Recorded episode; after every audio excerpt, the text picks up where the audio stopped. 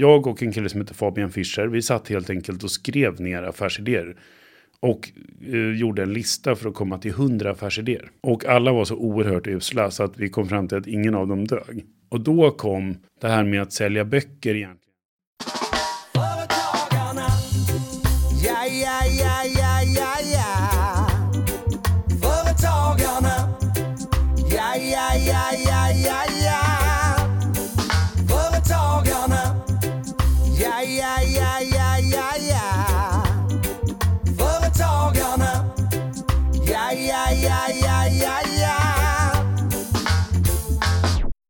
Välkomna till Företagarpodden med mig Günther Mårder, VD på Företagarna. Och med mig Julia Selander, VD för VentureCap.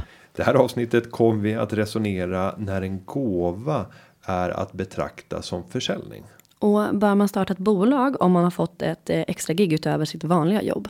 Och är det läge att dra igång ett aktiebolag om man som student kommer att göra DJ och fotouppdrag? Mm. Och sen så kommer det lilla gottepåsen här att man får ju också följa med när du har träffat Sveriges egna e-handelskung Per Svärdson. Mm, vilket möte! Eh, välkomna till Företagarpodden. Eh, vi sätter igång omedelbums. Företagarna. Vi kastar oss in i eh, frågor och svar. Ja men det gör vi. Jag vill läsa. Mm. Då har vi en fråga som eh, handlar om gåvoskatt. Eh, frågan lyder så här. Om jag får donationer till exempel med hjälp av donationsknapp eh, för det jag visar på webben. Ska jag betala skatt på gåvorna? Och då preciserade vi det här eller bad om en preci- precisering för det här är en fråga som har kommit in via rådgivningen på företagarna och då sa de att det kan gälla om man är till exempel frilansjournalist och skriver artiklar normalt sett. Sen vid sidan av det så gör man även en sajt där man publicerar eget material som inte har publicerats någon annanstans som är intressant. Det lockar läsare och sen har man en donationsknapp där man säger att ja, men här eh, donera gärna pengar så att jag kan fortsätta dela med mig av intressanta texter. Ska man betala skatt för det här? Ja, men sen tänker jag också att det beror väl på, alltså, i det här fallet så förutsätter man då att man inte har någon, alltså vad är det för företag? Nej, okej. Man, man, har ett för, man har ett företag, det är grunden för det. Men även om du inte har ett företag så kan det ju uppstå en situation där du faktiskt har en, ett enkelt bolag. Eh, om, om du börjar bedriva en verksamhet, det gäller ju även om du skulle börja plocka kottar. Eh, Så över om du skulle ha samlat in och sålt kottar för 30 000 kronor. Ja, då har det uppstått ett läge där det har skapats ett enkelt bolag och du ska beskattas som näringsidkare. Ehm, så att ehm, oavsett om du har ett bolag eller inte så, så gäller de här reglerna. Och då kan man eh, fundera över vad, vad är det som är eh, avgörande för om det är en gåva. Men det är väl det här att det måste finnas en avsikt, alltså en gåvoavsikt. Ja, och, och finns det inte en, en avsikt utan det är en frivillig gåva. Det har inte skett i direkt anslutning till att man har fått något värde. Eh, och, och- det finns en ren gåvoavsikt. Ja, men då kan man nog betrakta det som en, en gåva. Men i det här fallet om eh, vi säger frilansjournalist. Om, om du inte är frilansare och du har skrivit en superintressant artikel. Och jag efter att ha läst eller är frekvent återkommande och läsare av det här materialet. Och ser så här, oj nu har jag lagt upp en liten knapp här med gåva. Jag vill stötta. Har jag då, alltså vad är avsikten här? För jag vill ju bidra till någonting som jag själv får ut någonting av. Jag skulle nog, och det här är ju jättesvårt, det är upp till Skatteverket att, bedöma. Men om det inte nödvändigt är så att det här tillför något värde som du kan transformera på något sätt. Om, om jag hade haft en sajt där jag har aktieanalyser. Och där jag, du har läst en av de här aktieanalyserna och du har gjort en väldigt bra affär och sen kommer en donation till mig. Då är jag nog helt övertygad om att jag hade åkt dit och fått eh, beskatta det här. Som om det hade varit en vanlig intäkt. Frågan är hur ofta man gör de här granskningarna då? Nej, det, Men jag tänker lite Ja. gråzon för det, det är kanske krångligt att bevisa. absolut. Det, det tror jag är det största bekymret. Och, och där kan man ju också då fundera över. Kan jag få förhandsbesked från Skatteverket? Och nej, det kan du inte få. Jag pratade med en av våra jurister inför det här. Och, och då är det ju bara skatterättsnämnden som kan ge sådana utlåtanden. Och jag hoppas vi kan återkomma i ett framtida avsnitt för att diskutera vad kostar det att få ett förhandsbesked om vad som gäller i eh, ett enskilt fall när det kommer till skatt. Egentligen ganska sjukt eller lite bisarrt att man ska behöva betala pengar för att få ett besked om den verksamhet man bedriver ska beskattas på ett visst sätt. En lukrativ bransch där. Nej men sen kan man ju säga mycket om Skatteverket. Men det, det, alltså, det finns ju olika sätt att, att också skaffa sig underlag kring att man faktiskt har ställt frågan och agerat i god tro och så vidare. Så mejla är väl ett bra tips för då får man ju alltid ett skriftligt svar. Ja, sen är det inte bindande. Nej, men man man kan på något sätt om man blir ganska påvisa att man har försökt. Tänker jag om det påverkar. Ja, sen ett bra tips. Det är också att om man betraktar någonting som att det här eh, är en gåva. Det är inte att ses som en försäljning. eh, Gör då en under övriga upplysningar i deklarationen och skriv att du betraktar det på det sättet. Och sen ska du ta de här rekvisiten. Har det varit frivilligt och finns det en gåvoavsikt? Det är viktigt att du trycker på de två delarna när man eh, just gör definitionen av att det här är en gåva. Det har ingenting med någon insats som jag har gjort. Om det är så att gåvomottagaren har gjort en insats för givaren så finns det ett vackert ord för det och då är det renumeratorisk. Renumeratorisk gåva. Åh. Fick jag lära mig idag. Och då är den naturligtvis inte inkomstskattefri. Utan då ska beskattas som inkomst. Eh, och då blir inkomst av näringsverksamhet i förlängningen. Ja, Ja men eh, bra. Då har vi eh, kikat in lite på den här kluriga. För, ja, intressant sidospår. Vi på Venture Cup är ju en ideell förening. Och vi tycker ju själva att vi bidrar till ja, ett eh, mer gynnsamt företagsklimat. Vi vill få folk att testa affärsidéer och starta företag. Och vi slåss ju hela tiden med hur vi ska finansiera vår egen verksamhet och gör det via partnerskap. Och då tänker vi också att okej, men stiftelser har vi en del. Ehm, och vi hade också kanske kunnat ta emot lite donationer. Då hade vi kanske velat ha en donationsknapp. jo, och det, det är mycket lättare för er när det är en ideell förening. Mm, det är det jag menar med att det beror lite på vilken typ av företagsform. Den här frågan var ju ganska eh, kort och inte så mycket information om, om just det här enskilda fallet. Men man får ju titta på vilken typ av bolagsform det är också.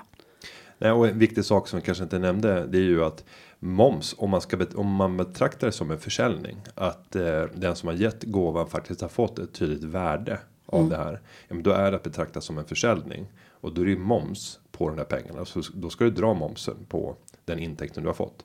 För en ideell förening. Nej, då har du inte den momsplikten normalt och, och, därför så så blir det inte ett problem för venture cap när ni ska dra in massor med donationer. Venture Cup. Ja, nej men okej, bra. Eh, en tillägg två. Ja, Vi har deadline den 7 november så vill man passa på att testa sina affärsidéer via Sveriges största community. Hittar jag på nu att det är, men ett stort community för att testa affärsidéer. Och Facebook. Ja, exakt. Så gör det på venturecap.se och det är helt gratis och man får sjukt bra feedback och man har möjlighet att vinna pengar och eh, evig ära. Så jag måste ibland göra lite, lite reklam för oss också. Det är bra. Men du, nu tar jag nästa fråga. Det gör vi. Hur ta betalt? Eh, och den här frågan kommer från Simba i Malmö.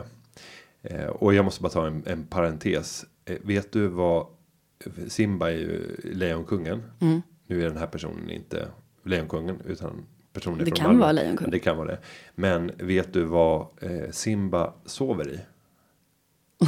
nej, så här går den. Vänta, du pratar med en göteborgare. Ja, säg. Nej, nej, vet, nej, du måste säga så här. Vet du var Lejonkungen sover? Jaha, i Simbas säng. Ja, Simba. Sängen. För att om du säger Simba så blir det ju... Åh herregud. Ja. Åh. Mm. Ja, Ja, men den, den satt riktigt bra där. Kulturkrockar när Stockholm och Göteborg möts. Ja, det är så Eh, härligt. så här skriver Simba. Hej, jag, har en po- jag och en polare har blivit tillfrågade att göra ett mjukvarujobb vid sidan av våra vanliga jobb. Arbetet kommer att vara i cirka sex månader. Vi förutsätter att detta är det enda jobbet som vi gör åt dem. Hur ska vi ta betalt? Starta bolag och fakturera eller bli deras anställda under denna period? Om vi startar bolag, vilken sorts bolag? Är delägt aktiebolag mest lämpligt? Hur gör vi efter jobbet är klart? Betala ut alla pengar i lön och lägga ner det eller är det gratis att bara ha det stående? Vad mer behöver vi tänka på? Tack för en grym podd. Med vänliga hälsningar Simba som sover i en Simbasäng. Simba, glöm inte vem du är. Är det sjukt att jag kommer ihåg alla repliker från alla barnfilmer jag någonsin har sett i hela mitt liv? Ja, det är sjukt, men du har förmodligen sett dem väldigt många gånger. Nej, jag har också ett fotografiskt minne när det gäller vissa intressanta jag saker. skulle kunna vara Mufasa. Mufasa, säg det igen. Mufasa. Mufasa. Nej, nu räcker det. Mm. Eh, gud vilken bra fråga Simba. Jag älskar frågor som innehåller många följdfrågor. Så nu grottar vi ner oss här. Eh, mjukvarujobb vid sidan av våra vanliga jobb. Då får man kanske tänka sig att Simba och polaren har alltså någon form av heltidsanställning. Kanske det. Kanske det. Arbetet de ska göra, mjukvarujobbet då. Vad tänker vi kring, ehm, vad, alltså det är ju sex månader är ganska kort tid. Mm. Men det är ändå ett ansenligt jobb som ska göras. Alltså Mm. ett halvår. Det är ett ganska stort mjukvarujobb. Och så tänker jag så här. Om man får ett sånt uppdrag så är det sannolikt att Simba och hans polare jobbar inom någon form av mjukvarubusiness. Mm, det kan man väl För de måste nog ha ganska mycket kunskaper. Eh, Så att någonstans så kanske det här till och med ett jobb som deras arbetsgivare hade kunnat göra. Förstår du hur jag tänker? Mm, att att det här skulle kunna behöver- vara konkurrerande. Då behöver man ju prata med sin arbetsgivare och få någon slags godkännande där. Nummer ett. Ja. Och, och den är helt avgörande för du har förmodligen Simba genom ditt anställningskontrakt skrivit att du ska ägna hela din uppmärksamhet och, arbetskraft åt din arbetsgivare. Och då kommer de kräva att du ska stämma av eventuella extrauppdrag. Men vi tar nu för givet i de vidare svaren att din arbetsgivare tycker att det här är världens bästa idé. Att du ska ägna ett halvår åt att göra ett jobb hos ett annat företag samtidigt som du uppbär din vanliga anställning. Men det här måste du kolla först. Vi Ja men det är vidare. väl steg ett, jättebra. Ehm, och sen tänker jag då mjukvarujobb, alltså om man ska starta, frågan är också om man ska starta ett AB eller inte. Mm, just vad gäller den här typen av, av ehm, tjänst som det ändå är, vad behöver man för att, eh, för att skapa det här värdet? Alltså i form av material och En utrustning. dator. En data. En- Jag tänker att, att en dator är det enda som behövs för att göra det här mjukvarujobbet. Möjligtvis så kanske behövs någon programvara. Men det är säkert så att den som de ska göra uppdraget åt kan tänka sig att ställa upp med de, de programmen som behövs. Eh, Men, men om det är så så är det så här. Det är väldigt lite kostnader för inkomsternas förvärvande. Och, och därför så är eh, det, det är inte lika självklart att man ska ha ett bolag. Om det hade varit ett uppdrag där det är väldigt mycket inköp som man kommer behöva göra för att kunna leverera och få de inkomsterna. Då är det en helt annan sak. Då börjar det bli mer intressant att titta på bolag. Så att, Så vi, vi riktar in oss lite på att det kanske inte är eh, ett måste. Att vi kanske inte rekommenderar ett AB i det här fallet. Nej, jag, jag är inte helt övertygad.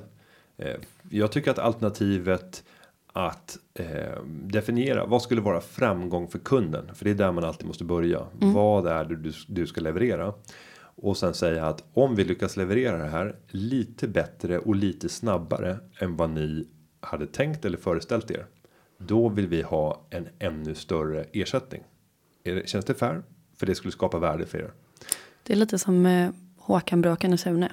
Då vill jag ha något. alltså precis. Ja. Jag sa ju att jag kunde alla barnfilmer. Ja, förlåt. Ja. Nej men precis och då, och då tänker jag om man blir anställd av det här bolaget, alltså uppdragsgivaren under den här perioden. Vad, kan man göra det som en projektgrej eller ska man? Ja, du kan ju göra som en tidsbegränsad anställning på det här företaget med en engångsutbetalning av ersättning som är beroende av eh, ett antal parametrar som kan mätas när utfallet är färdigt. Och och där tycker jag att eh, om de ändå har kassaflödena färdiga genom sitt vanliga jobb så tycker jag det är läge att gambla lite grann på sin egen förmåga att leverera briljans i eh, sin mjukvara. Så att om de lyckas leverera med häpnad till sin uppdragsgivare. Då ska de få en ersättning som får dem att häpna. Men om de inte gör det så ska de kölhalas. Jag Nej, tycker det låter men rimligt. de- En- de- Tänk dig den sloganen. Vi levererar så att du häpnar. man säger liksom inte åt vilket håll man häpnar. Man kanske blir helt chockad över hur dåligt det är. Nej men okej så eh, det kanske vore bra med en för- I och med att de har vanliga jobb skriver de ju. vad det nu är för någonting, om det är heltid eller deltid eller vad det är, så kanske man kan tänka sig att de kommer kunna leva på eh, de intäkterna. Eh, och att det här blir någon slags extra knäck. Och då kanske man inte behöver ha någon slags månadsutbetalning under de här sex månaderna, utan att det är som du säger, man kanske kan göra upp att man får det som en engångsutbetalning. Ja, och sen kan vi avsluta med den här frågan. Ja, men vad händer om de ändå väljer aktiebolag eller någon, någon annan företagsform? Jag väljer aktiebolag, ja, då måste du först pynta in 50 000 kronor. När du väl lägger ner bolaget, då får du tillbaka de där pengarna. Du kan dessutom använda de där pengarna för att göra de investeringar som behövs för att leverera på uppdragets eh, verklighet. Men en mycket bättre form för en sån här typ av uppdrag är ju att båda i sådana fall skulle köra enskild firma. För allting ska ju ändå kanske då bara betalas ut i form av lön. Och det är inga kostnader att eh, tala om. För de inköp som behövs för att leverera på uppdraget. Så att enskild firma är, är en bättre företagsform. Men jag tycker fortfarande att anställningsformen, en tidsbegränsad anställning är att föredra. För det blir ett sätt att bara testa. Tyckte de att det var kul att jobba på det här sättet? Ja, men då har de ju testat på det. De har levererat åt en uppdragsgivare och då kanske de kan fatta beslut om de ska starta upp ett, ett bolag. Ja men också ett sätt att, att testa och jobba tillsammans med polaren. För det vet man ju inte om de har gjort tidigare. Det kan ju vara helt nya erfarenheter, funkar bra eller dåligt. Eh, men och den här sista frågan då. ehm, är det gratis att bara ha ett AB stående? Ja, det är det om du försätter det i vilande tillstånd. Eh, Då kan du bara låta det vara vilande och då, då ligger det och väntar. Aktiekapitalet ska finnas kvar i bolaget Eh, och sen kan du aktivera det när helst. Och för tala klarspråk, det går man in och gör på verksamt.se. Jajamensan. Precis. Finns det någon annan nackdel med att ha ett AB om vi bara avrundar den här frågan då? Att om man har det vilande, finns det någon risk då? Ehm, Jag tänker, hur ser det ut om man, om man skulle, ja, jag vet inte, kan det påverka typ eh, olika tjänster man behöver i övrigt? Eller om man blir av med jobbet? Eller så att man ser det som en resurs liksom? eller en tillgång? Ja, det, det behöver inte alltid vara positivt att ha bolag. Om det till exempel skulle vara så att de blir arbetslösa eh, och vill ha arbetslö, arbetslöshetsersättning eller blir sjuka och ska ha sjukersättning och liknande.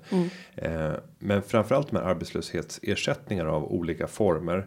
Där kan det bli problematiskt om man dessutom sitter och äger en verksamhet. Jag tror att det är lite bättre om verksamheten är vilande. Men det är aldrig till din fördel att du dessutom sitter och äger ett bolag. När du vill uppbära den här typen av ersättningar. Så att du, du får en svagare ställning på ett svagare skyddsnät i samhället. Om du även har ett bolag och en anställning och blir av med jobbet och vill ha någon typ av arbetslöshetsersättning. Mm. Så att eh, den parametern ska man väl också kanske bedöma. Sen så en viktig fråga här. Det handlar ju om hur noggranna är de här Simba och hans polare och hur roligt tycker de att det är med administration. För att om de tycker att det är jätteroligt med administration och de är väldigt noggranna. Då är det väldigt lätt att bara starta upp ett bolag och sen så kunna lägga ner det senare. Men för den som inte tycker att det är roligt och inte har sina största förtjänster inom det här området. Så finns det väldigt stor risk att man gör misstag och sen får det stå där ganska dyrt. Ja, för om de tar anställning istället i projektform eh, så lägger de över den bördan på arbetsgivaren istället. Ja, så man kan fokusera mer tid på att leverera på uppdraget. Och det vill man ju. Eh, så att de häpnar till och med. Jajamensan. Mm, men Simba- Julia, kan vi inte bara åka ner nu? För nu har vi avklarat den frågan. Ja. Nu vill jag åka till Göteborg. Till simbassängen. Nej, jag- jag vill åka till Daniel. Okej. Vi har fått ytterligare en fråga. Ja, det har vi. Men Simba och polaren, lycka till. Hör gärna av er med er, eh, ja, vad ni valde och hur det gick. Om ett halvår. Eh, Daniel, nu kommer vi till Daniel i Göteborg, städernas stad. Eh, han, Städernas stad. ja, Säger man så? nej men va? Det är väl allmänt vedertaget att Göteborg är städernas stad. Ja, det är bra. Det är bra. Självklart. Lill, Lilla Amsterdam har jag hört. I staden Boogie, fattar du det? Eh, nej, okej, det var Grotesco. Eh, nu tar vi frågan. Daniel, var inte rädd, den kommer nu. Hej, skriver Daniel. Tack för en grym podd. Eh, har följt er sedan ett första avsnitt. Jag är en student som kommer framöver att göra en jag är en student som framöver kommer att göra några ströuppdrag med fotografering och DJ-spelningar under min studietid. Jag har fundering på att göra det genom ett AB för att underlätta min egna deklaration. Nästan all utrustning har jag redan, så frågan är om jag ska söka F-skattsedel eller starta ett media AB runt detta. Hur gör jag om jag har ett AB men avvecklar verksamheten om ett år och vill ha tillbaka pengarna? Med vänlig hälsning en vilsen teknolog. Spännande. Ja, och eh, en dimension som Daniel inte tar upp här. Det är om han uppbär eh, studiebidrag och tar studielån. Och då är det ytterligare en viktig parameter. Eh, För att eh, om man gör det så är det en väldigt stor fördel att ha ett aktiebolag jämfört med att ha enskild firma eller handelsbolag. Varför då? Jo, för att vid ett handelsbolag eller enskild firma då ska du plocka ut i princip hela överskottet som lön varje år. Det finns vissa periodiseringsmöjligheter. Eh, Men det gör att om du gör ett jättestort jobb ett enskilt eh, år så kan det bli en väldigt stor inkomst. Och det gör att eh, du passerar gränsen för eh, vad du får tjäna enligt CSN. Men om du Och den är ju inte speciellt hög heller. Nej, nu kommer inte jag ihåg vad den är nu för tiden, men den var ännu lägre när när det begav sig. Oj. Jag För menar, 30 år sedan när Günther började studera. jo, men jag undrar om det inte var från första början. De höjde det nog när jag pluggade, men om det var så här 20 000 per termin. Jag ska jag är försiktig, jag ska inte slå gift på att det var det 20 000, men sen har jag för mig att det blev 50 000 per halvår. Sen var det vissa kompisar som hade arbetsgivare som tillät att de flyttade på inkomster. Så att när de hade jobbat väldigt mycket ett visst halvår så sa de så här. Kan vi skjuta på min sista löneutbetalning på 15 000 efter halvårsskiftet? För att på så, ja, det är så, det är så trist system. Ja men det är ju klart att det, och då kan man tänka sig, men ska man straffas för att man jobbar extra vid sidan om studierna och verkligen visar framfötterna och är både driftig och allt vad det nu är. Men det är ju såklart för att man inte ska sätta det här i system. Nej, och det är ju konflikten när det gäller synen på vad det här är för någonting. Är det ett bidrag? Ja, men om, om man uppfattar det som ett bidrag, då är det ju faktiskt, och det heter ju studiebidrag. Eh, då kanske man skulle behovspröva det här på något sätt. Och är det någon som tjänar ganska mycket pengar så kanske de inte har samma behov av bidraget. Nej, det kan vi hålla med om. Men tillbaka till Ja. Daniel då, den här konkreta frågan. Nu är det alltså fotografering och DJ-spelningar. Kul. Till skillnad från eh, Simba i Ja. tidigare frågan så um, har ju Daniel en hel del utrustning. Fotografering och DJ-spelningar kommer säkert att kräva ganska mycket prylar som kostar rätt mycket pengar. Säkert. Så det är mycket kostnader för inkomstens förvärvande. Därför är ett aktiebolag mer intressant i det här läget än vad det var i det förra. Sen så i det här fallet så ska han ha massor med strö uppdragsgivare så han kan inte få de här tillfälliga anställningarna förmodligen. Och många är säkert privatpersoner Säkert. som man ska göra åt. Men om man då har de här utrustningarna, jag tänker att det kan vara ganska dyra grejer. Ehm, då har han ju redan köpt dem. Ja, och då ska han ju inte ta någonting som man har köpt för skattade och färdiga pengar privat och sen använda dem i ett bolag, utan det han gör om man startar ett aktiebolag eh, stoppar in 50 000 kronor i aktiekapital. Då kan han använda de 50 000 till att köpa utrustningen som han själv redan har köpt. Men nu är det noggrant att du inte håller på och köper de här till något annat värde än det verkliga marknadsvärdet. Och marknadsvärdet det är inte vad det kostar att köpa de här prylarna nya utan vad det är kostar att återanskaffa exakt samma utrustning. Och ett bra sätt att göra det på bevisa det här värdet. Ja, men jag skulle noggrant vid det tillfället som jag gör den här transaktionen gå ut på sajter där man kan köpa den här utrustningen och gärna ta fram tre stycken exempel på vad det här kostar på annonser. Alltså titta på begagnat sajter eller titta. Jag vet inte var eh, det finns säkert en specialsajter för fotoutrustning. Eh, gå in och titta vad kostar de här objektiven, den här kameran. Skriv ut det, skriv datumet, se till att ha med webbadressen till det så att det går att ta fram den här informationen i efterhand om det skulle behövas. Ha hängslen och livrem. För att på så sätt kunna svara upp mot Skatteverket och kunna visa hur du har värderat de här prylarna. Sen ska du även betänka att sakerna som ligger ute på en, en begagnat sajt. De är ju följaktligen inte sålda. Så det behöver inte betyda att det är marknadspriset. Så där får man ju också vara lite smart. Det kan ju kännas lockande till exempelvis. Okej, men ett DJ, DJ-utrustning. Ja, men okej, 500 000. Ja, men det, jag har hittat en sån annons och då tar jag tre sådana. Men som sagt, är det någon som har köpt det? Nej, så jag skulle verkligen försöka lägga mig på ett så här verkligt snitt. Vad verkar det här, den här prisbilden vara? Och om jag skulle gå ut och hårdförhandla mot de som säljer det här, vad är sannolikt? Så vill man vara ännu mer på den säkra sidan. Då tar man tre stycken av de som har lägst pris. men som ännu inte är sålda och sen drar man av 5% till för man säger det brukar alltid finnas prutmån när man väl kommer ut och ska göra business. Då skulle jag hävda att det är helt vattentätt. Eh, Så då kan han sälja in de här prylarna och plocka ut de pengarna. Låt oss säga att det var 30 000 kronor som prylarna kostade att återanskaffa. Ja, han stoppar in 50 000 i bolaget. Han fick ut 30 på direkten för att bolag, bolaget sen skulle äga de här utrustningarna. Och därefter kan han börja göra jobb och då ska han ju successivt återställa det där aktiekapitalet upp till 50 000 genom upparbetade vinstmedel att han ska tjäna pengar och, och att aktiekapitalet ska nå 50 000 igen. Ehm, och sen var ju nästa fråga. Eh, vad händer om man avvecklar verksamheten? Ja, men då gör vi det här på ett inverserat vis. Då säljer man de här prylarna eller så på motsvarande sätt om du vill behålla dem privat. Gör samma sak, gå ut och titta. Vad är värdet? Återanskaffningsvärdet. Och där är det ju inte lika snutet ur rockärmen att man ska ha ett väldigt, väldigt fördelaktigt pris. Men det här föder möjligheter. Det här är en gråzon. För att när han köper in till exempel en DJ-utrustning. Du har mer DJ-polare än jag. Det har jag faktiskt. Hur länge använder man en DJ-utrustning? Gud vad roligt om någon av de här lyssnar på det och jag säger helt fel svar. Men jag kan ju tänka mig att det ändå är lite färskvara. Alltså du behöver en bra liksom, grundutrustning och en, en Kan, kan inte du berätta vad man behöver? ja, du behöver en uh, klarinettbas och sånt som man behöver.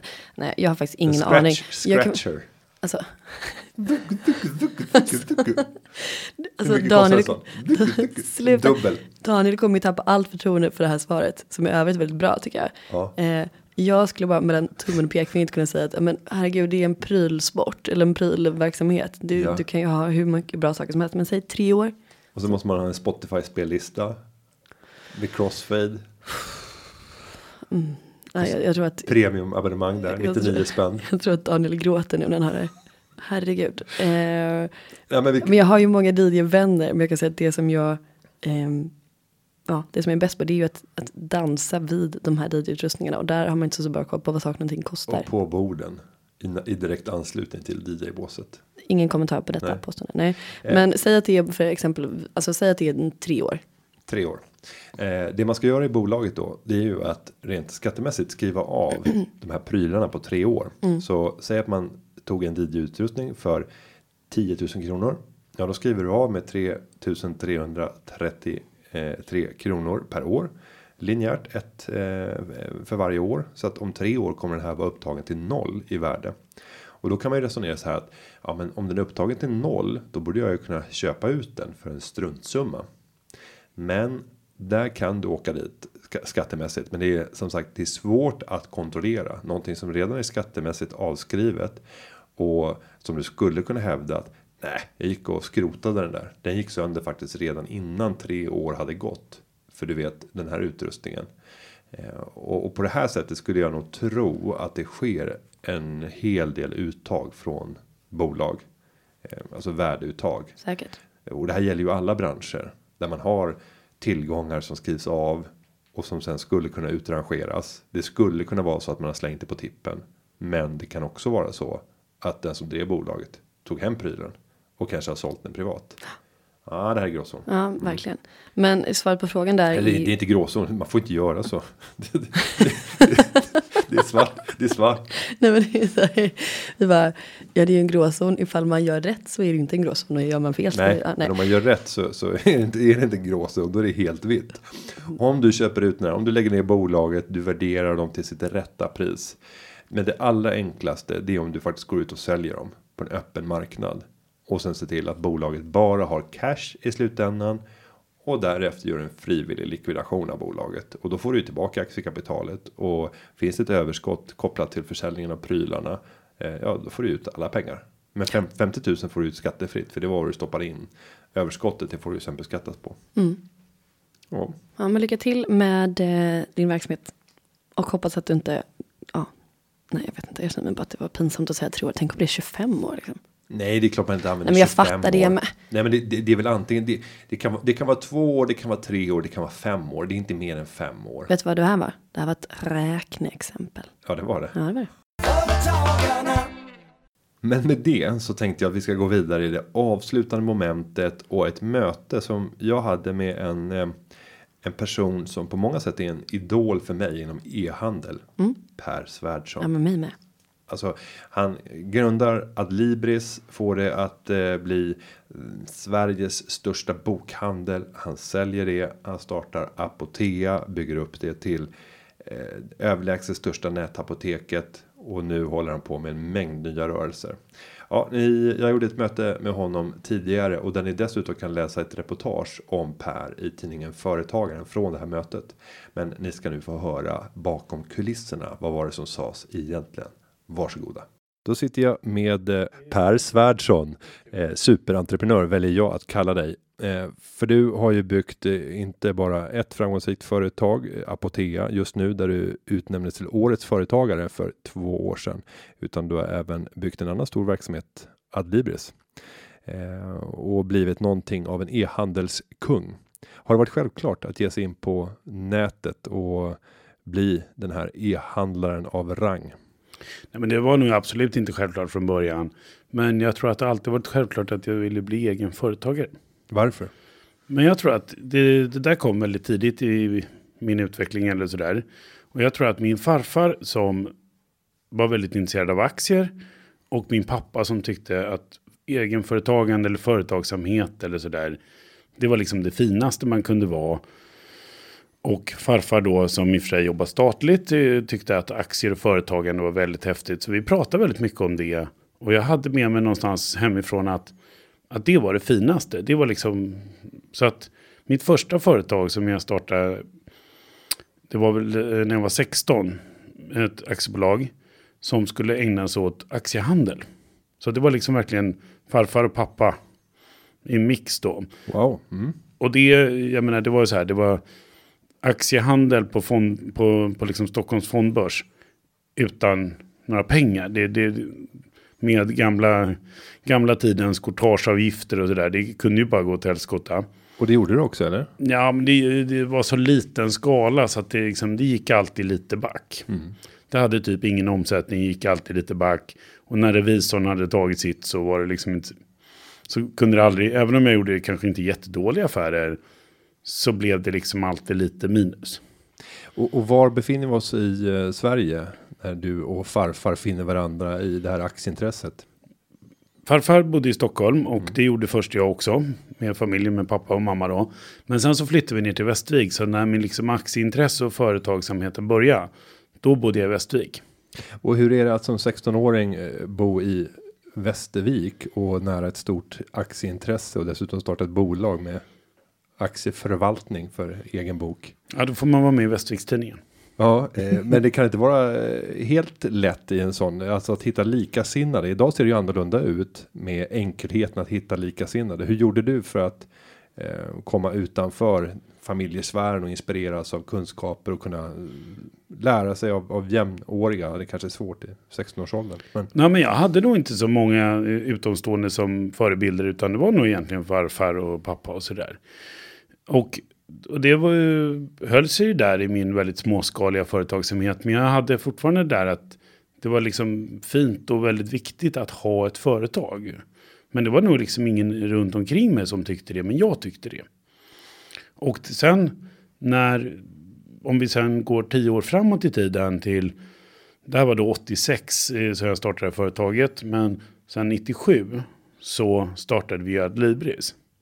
Och det var egentligen inte ett nystartat företag utan det var mitt gamla tonårsföretag. så det är samma organisationsnummer som det gamla aktieförvaltningsbolaget. Mm. Och det här, så att Adlibris hette från början Svärd som Venture Capital.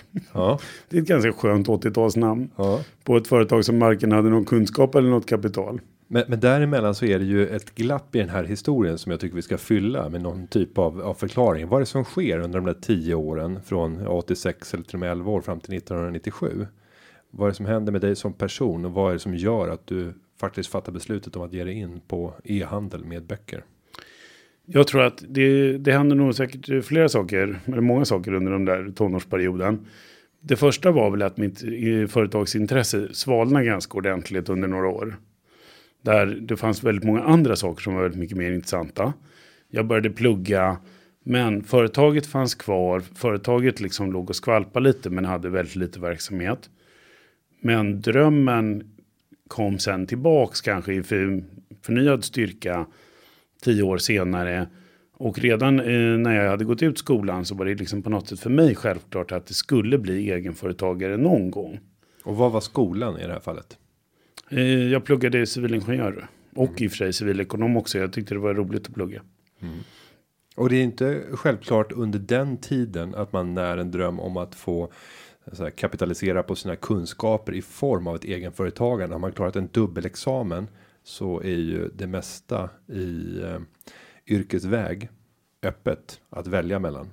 Vad, men- vad är det som gör att du ändå väljer den svåra vägen framför att bara ta en anställning i relativt hög position för nyutexaminerad kanske och sen börja Jo, men och då tror jag att det kommer tillbaks till det här att du har med dig värderingar från din barndom eller du har med dig. Och då var det ju det att jag tyckte att ja, men, egenföretagande, det var liksom det var den högsta av målen. Och en anställning är snarare en, en, någonting på vägen. Det är inte målet. Utan målet var absolut att jag skulle ha eget företag. Så att, så att jag tror att det var liksom, det, det kom någonstans i åtta års ålder eller någonting. Och då tror jag att man, om man kommer tillbaka till det här, hur viktigt det är med inspiration i ett samhälle och förebilder. Och att man kan peka på goda exempel och sådär. För det var ju det precis som jag hade nämligen. Jag hade min farfar som talade varm när jag var och hälsade på honom om hur, hur bra det var med företagsamhet. Och min pappa som tyckte det också. Och det, det satt där väldigt djupt liksom. Och att du hamnade i e-handeln. Hur mycket hade du gjort analysen över vad hur nätet skulle komma att förändra vår vardag? För det här var ju IT-yra 1997. Då ska vi komma ihåg de här orangea fleecetröjorna som Ja, men det var senare. bar. Ja, det var ytterligare två år kanske Mm. framåt i tiden. Så det var till och med kanske före Stell von Holstein och Birgersson och Ja, det var nog lite före. Men däremot så var det så här. Vi hade inte gjort jättemycket analys. Utan det var egentligen så här att vi ville starta ett företag. Eller vi ville sätta igång liksom. Och då började vi med att göra en lista med företagsidéer. Och det var absolut inte e-handel. Var inte en påtaglig på den listan. Utan det var allt ifrån olika typer av eh, interaktiva utbildningar till skogsprogram för skogsbönder till ja, men alla möjliga bisarra grejer. och vi. Vilka är vi just nu? Det är några tidigare kollegor på det jobbet jag hade. Och som det du var träffade på. på det jobbet och det var Accenture. Så en amerikansk konsultbyrå. Så, så skarpa hjärnor med hög arbetskapacitet med alla akademisk utbildning. Och vi började leta efter affärsidéer. Så jag och en kille som heter Fabian Fischer, vi satt helt enkelt och skrev ner affärsidéer. Och eh, gjorde en lista för att komma till 100 affärsidéer. Och alla var så oerhört usla så att vi kom fram till att ingen av dem dög. Och då kom det här med att sälja böcker egentligen. Så att ursprungsidén var att vi skulle sälja billiga böcker till studenter. Och det var väl ganska nära oss själva. Vi hade precis varit studenter, lagt en massa pengar på kurslitteratur, visste hur dyrt det var och kände att ja, men om du kan sälja lite billigare till en student böcker, då kommer de köpa minsann. Och då kom ni igång. Mm. Och vad är första steget? Eh, Under den här perioden ska man säga att Aftonbladet har bara varit ute på nätet en, några år. Eh, Nätet är ju relativt oexploaterat under 1997. De flesta har precis kanske hem-PC reform. Den har börjat slå rot. Var befinner vi oss i mognadsgrad? mognadsgraden var ju väldigt, väldigt låg. Och det fanns inga e-handelsbutiker på nätet. Alltså det var, fanns verkligen inga. Och, men vi hade fått lite liksom, både inspiration från jobbet med hur det gick att Amazon hade öppnat i USA. Det hade liksom, fanns lite vibbar därifrån. Och, då- och på Accenture pratades det mycket om ja, men att internet kommer bli stort och e-handel kommer bli stort. Och, och då kändes det väl som, ja men det är nog inte en dålig...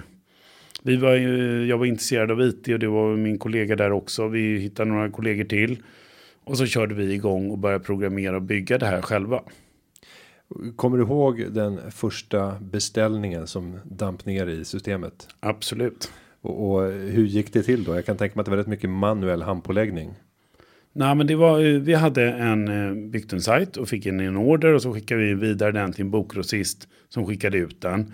Så att egentligen vi- vi hade en väldigt, väldigt liten roll i, i, för, liksom i värdekedjan. Men någon form av snarare mäklare. Men, men då öppnade vi mitt i sommaren 1997. Och eh, vi öppnade under en middag som min mamma hade där på sommaren. Och så då sprang jag ner under middagen vid ett antal tillfällen och kollade om det hade kommit någon order. Och rapporterade tillbaka till alla middagsgästerna. Och kom den under middagen? Mm. Och då Wow. kom det några ordrar och eh, det, det är mer eller mindre så att jag minns vad de heter. Liksom. Wow. Eh, och om, om vi tittar på vad som hände sen, för att i, i det här läget då 1997 så måste det ju vara en affärsmodell som är ganska bra. Den binder inte mycket, inget rörelsekapital överhuvudtaget. Du bär inget lager. Mm. Eh, du har utvecklingskostnader för plattformen. För en ung person så låter det som en, en bra start eh, och en, en, en, en enkel möjlighet att kunna ta sig in. Vad, vad är det som ändrar affärsmodellen sen? Det är när ni ser att det börjar flyga, när ni ser att nu kan vi faktiskt börja bygga eget lager och förändra affärsmodellen. Vad är det Men som händer vi- de kommande åren? Vi byggde ju plattformen själva. Så där hade vi ju inga kostnader. Vi hade inget lager utan det skickade vi till den här grossisten som skickade ut produkterna. Så att vi startade ju med ett företag som hade 100 000 i kapital. Och blev lönsamma dag ett. I och med att vi, vi, vi bodde ju hemma hos mig. Företaget bodde hemma hos mig, hade inga lönekostnader, hade inga kostnader överhuvudtaget. Så att därför var det lönsamt från dag ett. Och vi, ingen av oss sa ju upp oss från jobbet. Utan vi gjorde det här på fritiden. Vilket gjorde att vi tog egentligen väldigt liten risk. Och det tror jag rent allmänt är nog ett gott råd. Ta inte mer risk än vad man behöver. Alltså, det är, om du tar det försiktigt och ser. Och efter ett år när jag sa upp mig. Då såg jag ju att det här kommer ju flyga. Och då eh, körde vi igång. Och då sa jag upp mig och började jobba och skaffa kontor. Men innan dess hade jag ju haft det hemma. Och, och i ett sånt läge, du hade ett jobb som är krävande ska man säga. En amerikansk managementkonsultfirma eh, brukar inte vara nådiga när det gäller kraven på medarbetarna. Eh, och samtidigt så driver du igång ett bolag inom ett helt nytt segment. Blir det inte en helt galen arbetsmängd eller?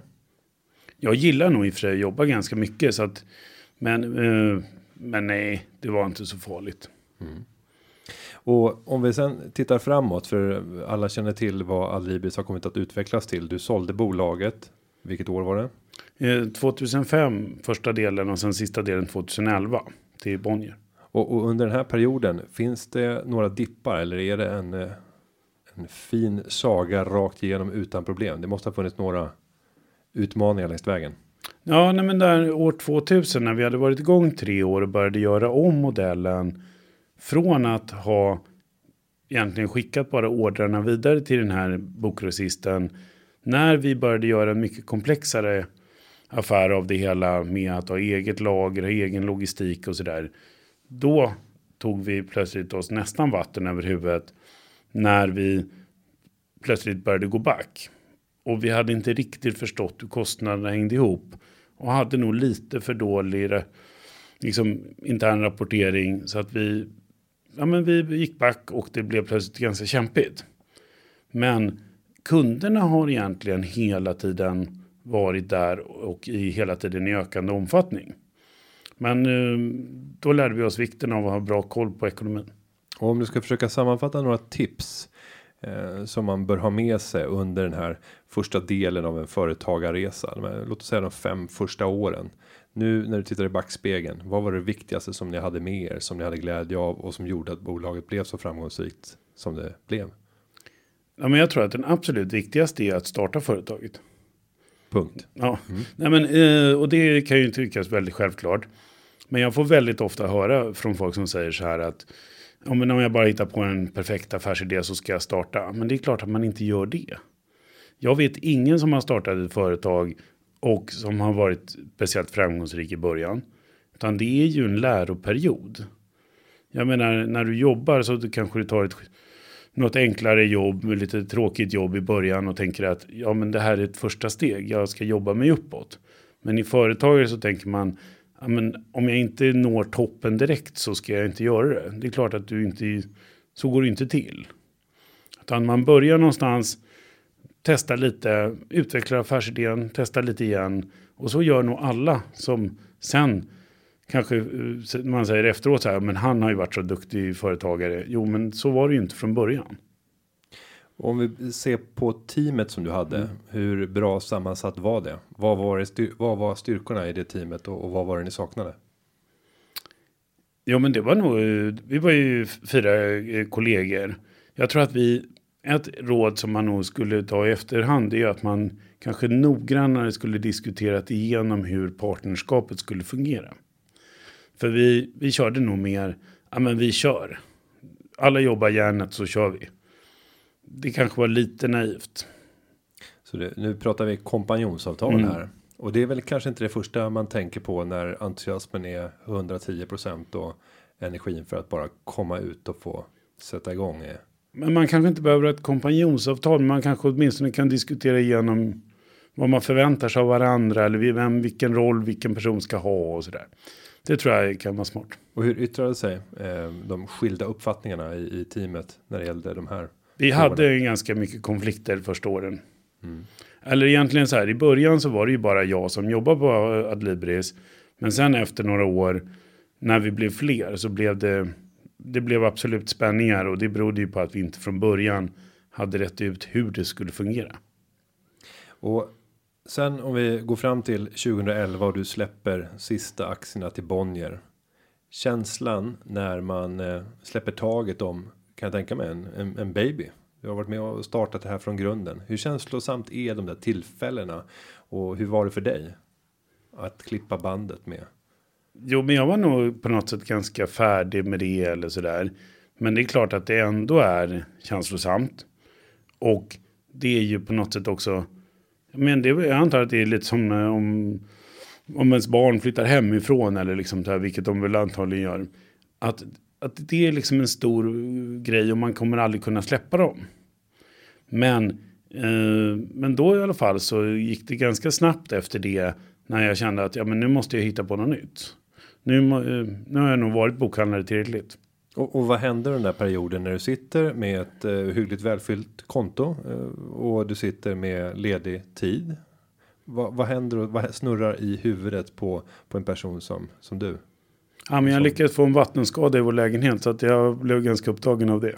Men, men även den blev lagad. Vad händer efter den då? Sen så stötte jag på ett apotek som fanns på stan som gick väldigt dåligt som hette Familjeapoteket. Och kände bara att ja, men det här är ju en helt eftersatt bransch på internet och den här, det vore ju skitkul att ge sig på. Och hur snabbt fattar du beslutet att dra igång Apotea? Och då när vi hade stött på det så tog det väl lite diskussioner innan vi hade liksom tagit över företaget och sådär. Men sen så, men det kändes rätt eh, ganska direkt. Så att det var i slutet på 2011 så, så hade vi satt oss med ett nytt jobb. Och vi har inte berört det, men eh, positioneringen om vi tittar rent geografiskt för för Adlibris är ju inte kanske självklar för för en utomstående. Eh, berätta om Morgongåva. Vad vad är kopplingen till att ni har placerat er i Morgongåva först med med eh, Adlibris och sen även med Apotea? Det var ju i morgongåva den här bokgrossisten dit eh, Adlibris skickade sina order. Eh, I början när vi inte hade någon egen logistik. Då skickade vi alla ordrarna till en bokgrossist i morgongåva. Och sen då när vi sen etablerade en egen logistik var det väldigt praktiskt att göra det i grannhuset. För då behövde de bara köra böckerna mitt över gården. Och när vi körde igång Apotea var det väldigt praktiskt att lägga det pris bredvid eh, en av Sveriges största e-handelsbutiker. För man får väldigt mycket bättre fraktvillkor då. Så att det är liksom det ena löste det andra. Men idag så trivs vi jätte, jättebra i, i Morgongåva därför att det är jätte, jättebra personal. Vi har jättebra stöd av kommunen. Företagsparken där ägs av eh, superentreprenören Anders Wall, den äldre här, gamla herren. Och han är ju en fantastisk entreprenör och verkligen stöttar bygden och har liksom gett oss jättebra möjligheter där. Så att vi trivs superbra. Och hur mycket har Anders Wall betytt för eh, dig och ditt företagande? Mycket skulle jag vilja säga. Eh, han är ju en jättebra förebild och han har ju alltid trott och supportat oss. Eh, även om han aldrig liksom har varit delägare eller sådär så har han alltid varit en stor supporter av vår verksamhet. Hur, hur viktigt är det att ha den typen av liksom, seniora eh, rådgivare som finns runt omkring en och tror på en och ger stöd och stöttning. Behövs det för att man ska våga eller vad är den främsta saken som en, en sån här person kan tillföra till en ung entreprenör? Ja, men det ena är ju liksom stöd i och råd och sådär. Men sen är det ju också som förebild om man om man ser att ja, men någon annan har lyckats, då borde jag också kunna. Det tror jag är en oerhört viktig del.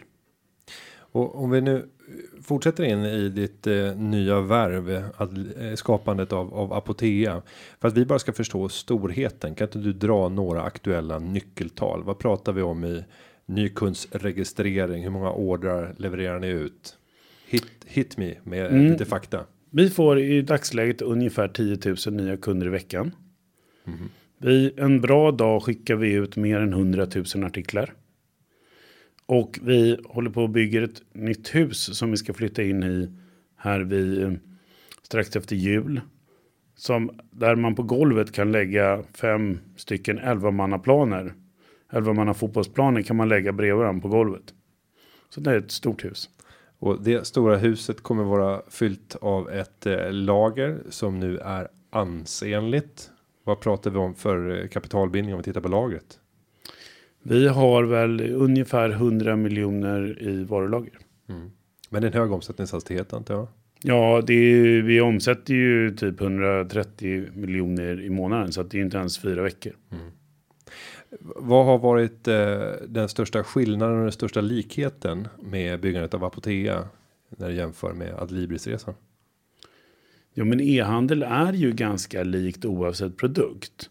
Det är nog mycket, mycket mer likt än vad man tror.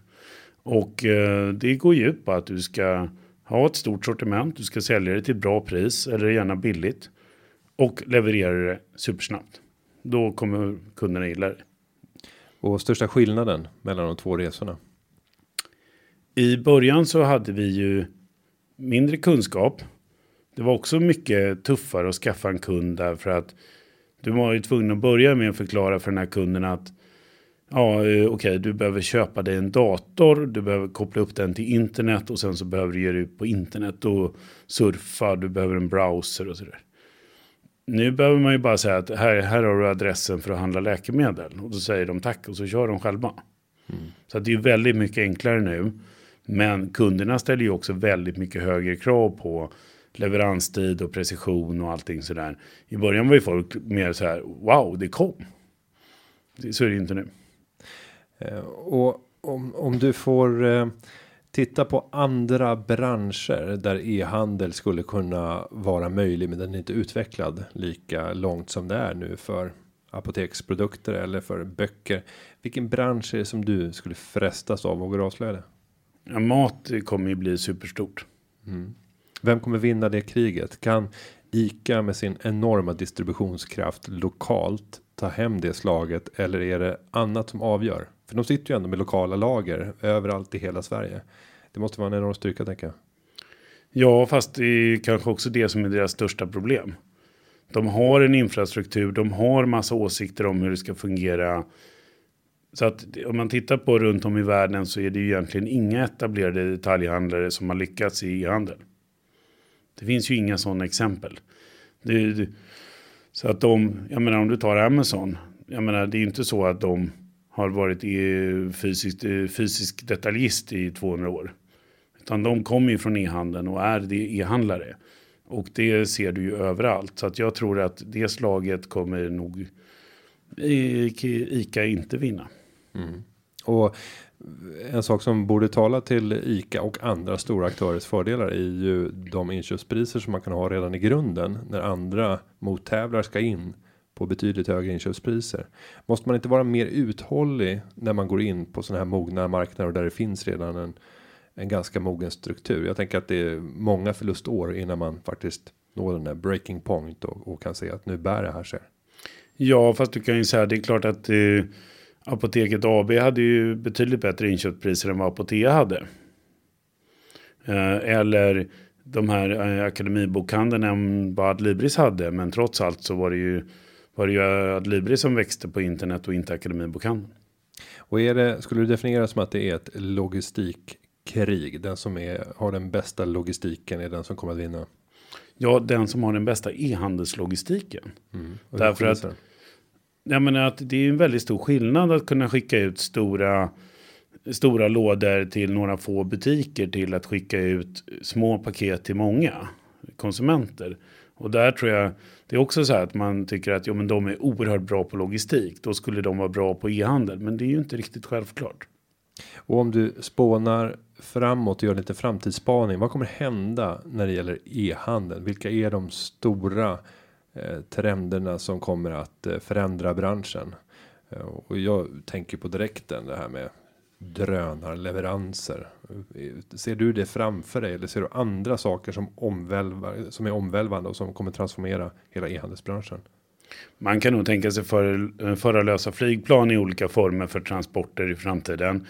Men jag tror att vi kan ju börja med att titta på att paketen måste ju hem till folk. Alltså det, det blir ju väldigt konstigt att man ska e-handla någonting, sitta hemma, köpa av någonting några kilometer bort och så, så levereras det halvvägs hem. Det är ju, blir ju jättekonstigt. Utan det är klart att det måste hem och det måste hem på tider och, och platser och liksom sätt som passar en, vilket ju är ganska långt ifrån många hemleveranser idag. Men eh, när vi levererar hem på kvällarna så ser vi att det är ju det som folk tycker absolut bästa leveranssättet. Så att det kommer växa. Och där, där har vi jättelångt kvar liksom att få på något vis anständiga leveranser. Sen så behöver vi kanske inte flyga in dem för det. Utan vi kan börja med liksom en mer rimlig nivå. Det- Det man har sett i eh, stora köpcentrum och andra centrala platser. Det är ju att eh, eh, transportföretag eh, har satt upp eh, boxar. Där man eh, kan få en kod och så hämtar man ut sin produkt och då är det öppet eh, väsentligt längre. Man skulle även kunna tänka sig att den här typen av förvaringsboxar skulle till och med kunna vara din brevlåda hemma om du säkerhetsanpassar dem. Och det finns ju sådana lösningar som börjar poppa upp att man, att man helt enkelt har en brevlåda som brevbäraren kan låsa upp och man kan åka leveransrum och leveransboxar i fastigheter och sådär. Så att jag tror att det kommer komma en hel, en hel liksom, stor låda med massa olika små lådor i med olika leveranssätt. Och vad de exakt blir får man väl se. Men man kan nog vara absolut säker på att det är kunden som kommer bestämma och framförallt våra unga kunder har ganska höga krav på flexibilitet. Där de ska verkligen bestämma. Och vad är skillnaden med dagens unga kunder jämfört med de kunder du mötte ursprungligen i Adlibris affären?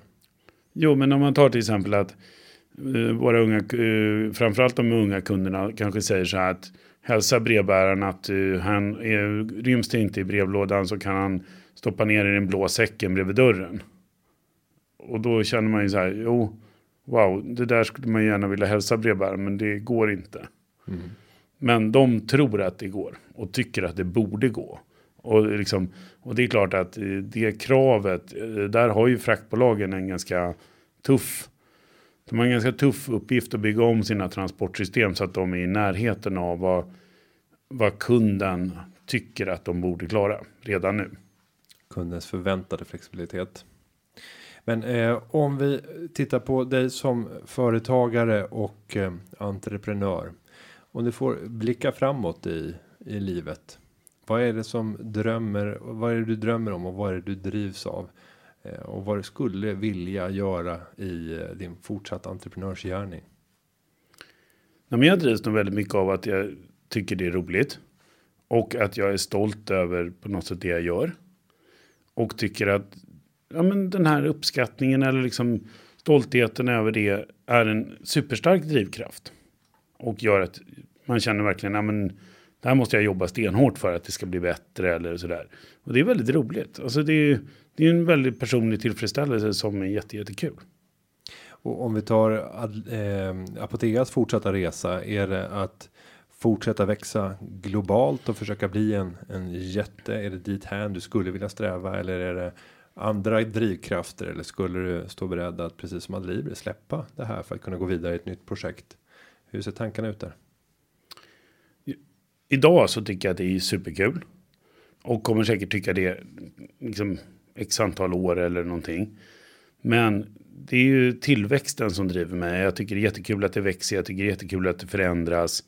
Den dagen det inte växer så tror inte jag att jag är den som ska ta hand om det. Men, men, men liksom vad som händer på fem års sikt eller så där, det har jag ingen aning om. Men det finns ingen plan för att sälja det. Och det finns ingen, heller ingen plan för att behålla det. Utan det är liksom mer en sån här, ja men jag tycker det är kul här och nu. Liksom. Och, och om vi skulle komma in i styrelserummet eh, på Apotea. Finns det en tydlig tre eller femårsplan som ni följer eller är det en annan typ av styrning inom företaget? Ja, men eh, det är nog en annan typ av styrning. Och den går ut på att det ska växas till typ varje pris. Och det, Och varför är tillväxten så viktig för för er? För man kan ju tänka sig balansen mellan tillväxt och lönsamhet. Men nu vill ni positionera er som det ohotade alternativet på e-handeln eller? ja, men jag tror att det är ganska mycket att jag tycker det är oerhört roligt att det växer. Alltså det är på något sätt hela, hela affärsidén, hela liksom är så här att det ska växa, hur mycket kan det växa den här månaden? Och det finns liksom egentligen ingen plan varför det ska vara så, utan det bara är så. Och det är liksom en helt självklar, hela, eh, och det var samma i Adlibris och samma eh, nu på Apotea, att tillväxt är det liksom, det måste vara där. Och utan att eh, reflektera varför den här drivkraften som hela tiden säger tillväxt. Var, var, varifrån kommer den? Ja, För man kan ju också tänka det ska vara lönsamt. Vi ska ha så lönsamt som möjligt. Det, det är två helt olika eh, mindset. Jag vet faktiskt inte. Jag har alltid haft den, att det måste växa. Och, och att det måste bli större och det måste bli mer känt och det måste sälja mer. Men exakt liksom varför det kom från början, det vet jag inte. Mm. Ja, det började i eh, aktieportföljen med en vilja till tillväxt och det har fortsatt genom Adlibris och nu Apotea. Eh, du är en imponerande entreprenör som eh, jag tror inspirerar väldigt många till att våga ta det där steget och bli företagare. Så jag önskar bara att du fortsätter att genom bara din gärning vara ute och, och sprida tron om att eh, det är möjligt och våga ta steget starta bolag. Får jag säga så här, ta, tack för att du finns. Och tack för att jag fick komma hit, det var jättekul. Ja, men det tackar vi Per Svärdson eh, idag, precis som du uttryckte. Eh, grundare och eh, vd för Apotea. Imorgon får vi se, men allt vi vet är att eh, det kommer att vara tillväxt kring Per. Tack för att du kom till Företagarpodden. Tack.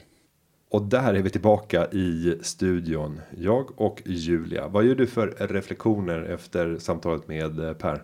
Nej, men jag är ju imponerad och framförallt av drivet och att så här, alltså, nu pratar han mycket om tillväxt och det är en floskel inom i branschen, men han vet ju ändå vad han snackar om. Man blir sjukt inspirerad.